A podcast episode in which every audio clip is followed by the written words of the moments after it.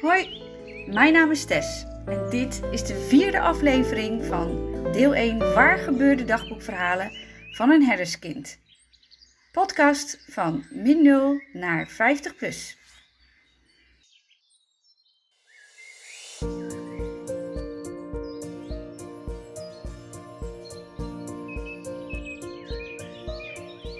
Wikkels en snorretjes.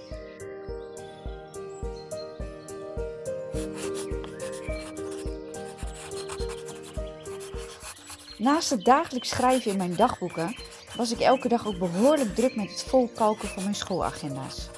Deze schoolagenda's werden volledige plakboeken waarbij ik ongeveer alle wikkels van snoepjes, koeken en andere etenswaren van het hele jaar in had geplakt. Het mogen duidelijk zijn dat het geen gezonde dingen waren die ik nog weer terug zie. Um, mentos, fruitella, koekjesrepen, roze koeken, zoute pinda's, after-eat en zelfs etiketten van Amstel bier en Heineken. En platgedrukte sigarettendoosjes van Lord en Roxy. Best grappig als je bedenkt dat ik toen helemaal geen bier lustte. En nog steeds niet overigens. En toen ook nog niet rookte. Ja, dat laatste heb ik wel een tijdje gedaan. Maar ook dat is alweer heel lang geleden. Gelukkig. Dus zoals ik al zei, waren die agenda's hele plakboeken. Waarin ik dus naast die wikkels van etenswaren ook gedichten, grappige woordspelingen, stickers, foto's van klasgenootjes, bioscoopkaartjes, toegangskaartjes van schoolfeestjes, songteksten, slijpsel van gekleurde potloden. Huh? Ja, echt waar. Uh, plaatjes van popsterren, uh, uitgeknipte stripboekverhalen en nog veel meer had geplakt. En bij ongeveer elk geplakt item had ik dan weer een kleine tekst geschreven. De gedichtjes in deze agenda's gingen vooral over hoop, geloof, liefde en ging meestal ook als volgt. Beter eenmaal wagen dan altijd vrezen. Of dromend en opgelaten van geluk leef ik dag in dag uit. Ik heb nergens fut voor. Mijn huiswerk ligt vaak aan de kant. De gedachte aan jouw kussen zette mij in brand. Helaas is de blos die bij deze gedachte verschijnt op mijn gezicht niet zo rood als de onvoldoende van wiskunde die voor mij ligt. Overigens zie ik in al die agenda's dat mijn vriendinnetjes ook aardig hebben huisgehouden in mijn agenda's. Als ik er zelf namelijk niet iets bij had geschreven, dan hadden mijn vriendinnetjes het wel gedaan.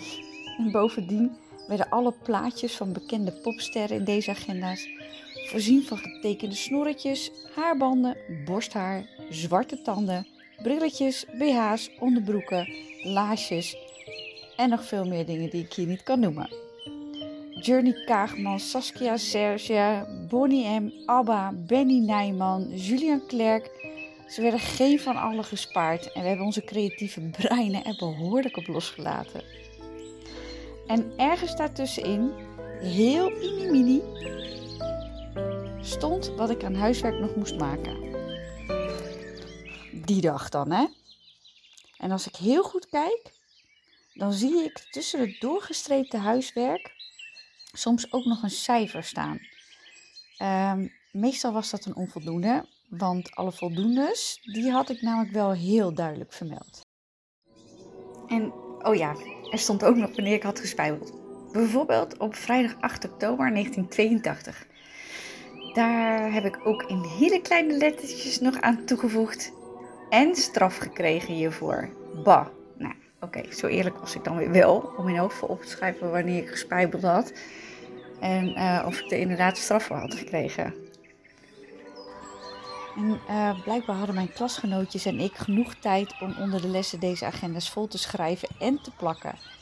En dat is nog los van de tijd die we allemaal kwijt waren met de briefjes die we naar elkaar hebben geschreven onder de lessen. Want ook die zitten in de agenda's verstopt. En hele kleine mapjes die ik had gevouwen met allerlei soorten plakmiddelen. Inclusief kauwgums. Jich. Het waren veelal briefjes waarin we afspraakjes maakten met elkaar. Met gedichtjes, met leuke stickers, roddels of met schunnige teksten. En vooral die laatste briefjes, die zorgden vaak in de klas voor een enorme lachkick. Uh, die ons dan door de leraar niet in dank werd afgenomen. En het kwam dus ook regelmatig voor dat degene die zo'n briefje kreeg keihard moest lachen. En vervolgens de klas uitgestuurd werd. En meestal ging de briefschrijver er dan meteen achteraan, waardoor we ook samen in de kantine belanden. Met een flesje cola, warme chocolademelk of snoep uit de automaat.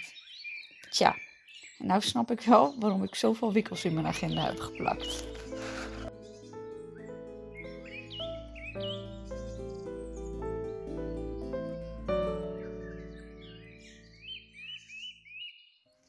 Tja, als ik deze aflevering zo terugluister, dan denk ik: oké, wat heb ik uh, nu teruggelezen van mezelf hierover? En ik denk, weet je, ik kon heel makkelijk leren en ik hoefde weinig te doen, maar ik had ook geen idee wat ik wilde worden. Ik had eigenlijk totaal geen.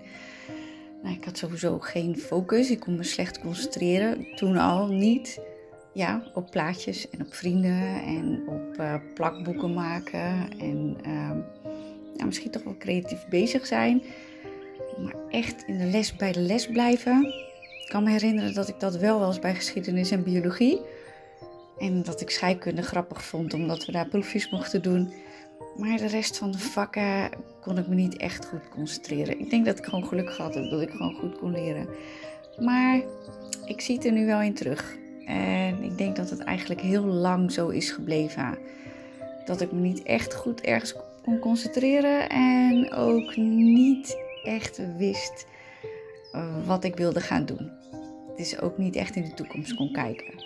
Niet dat andere kinderen dat misschien konden, maar een beetje richting, uh, of in elk geval het gevoel van richting, was wel leuk geweest. Je hebt geluisterd naar de vierde aflevering van deel 1 Waar gebeurde dagboekverhalen van een herderskind. Dit was de podcast van min 0 naar 50 plus.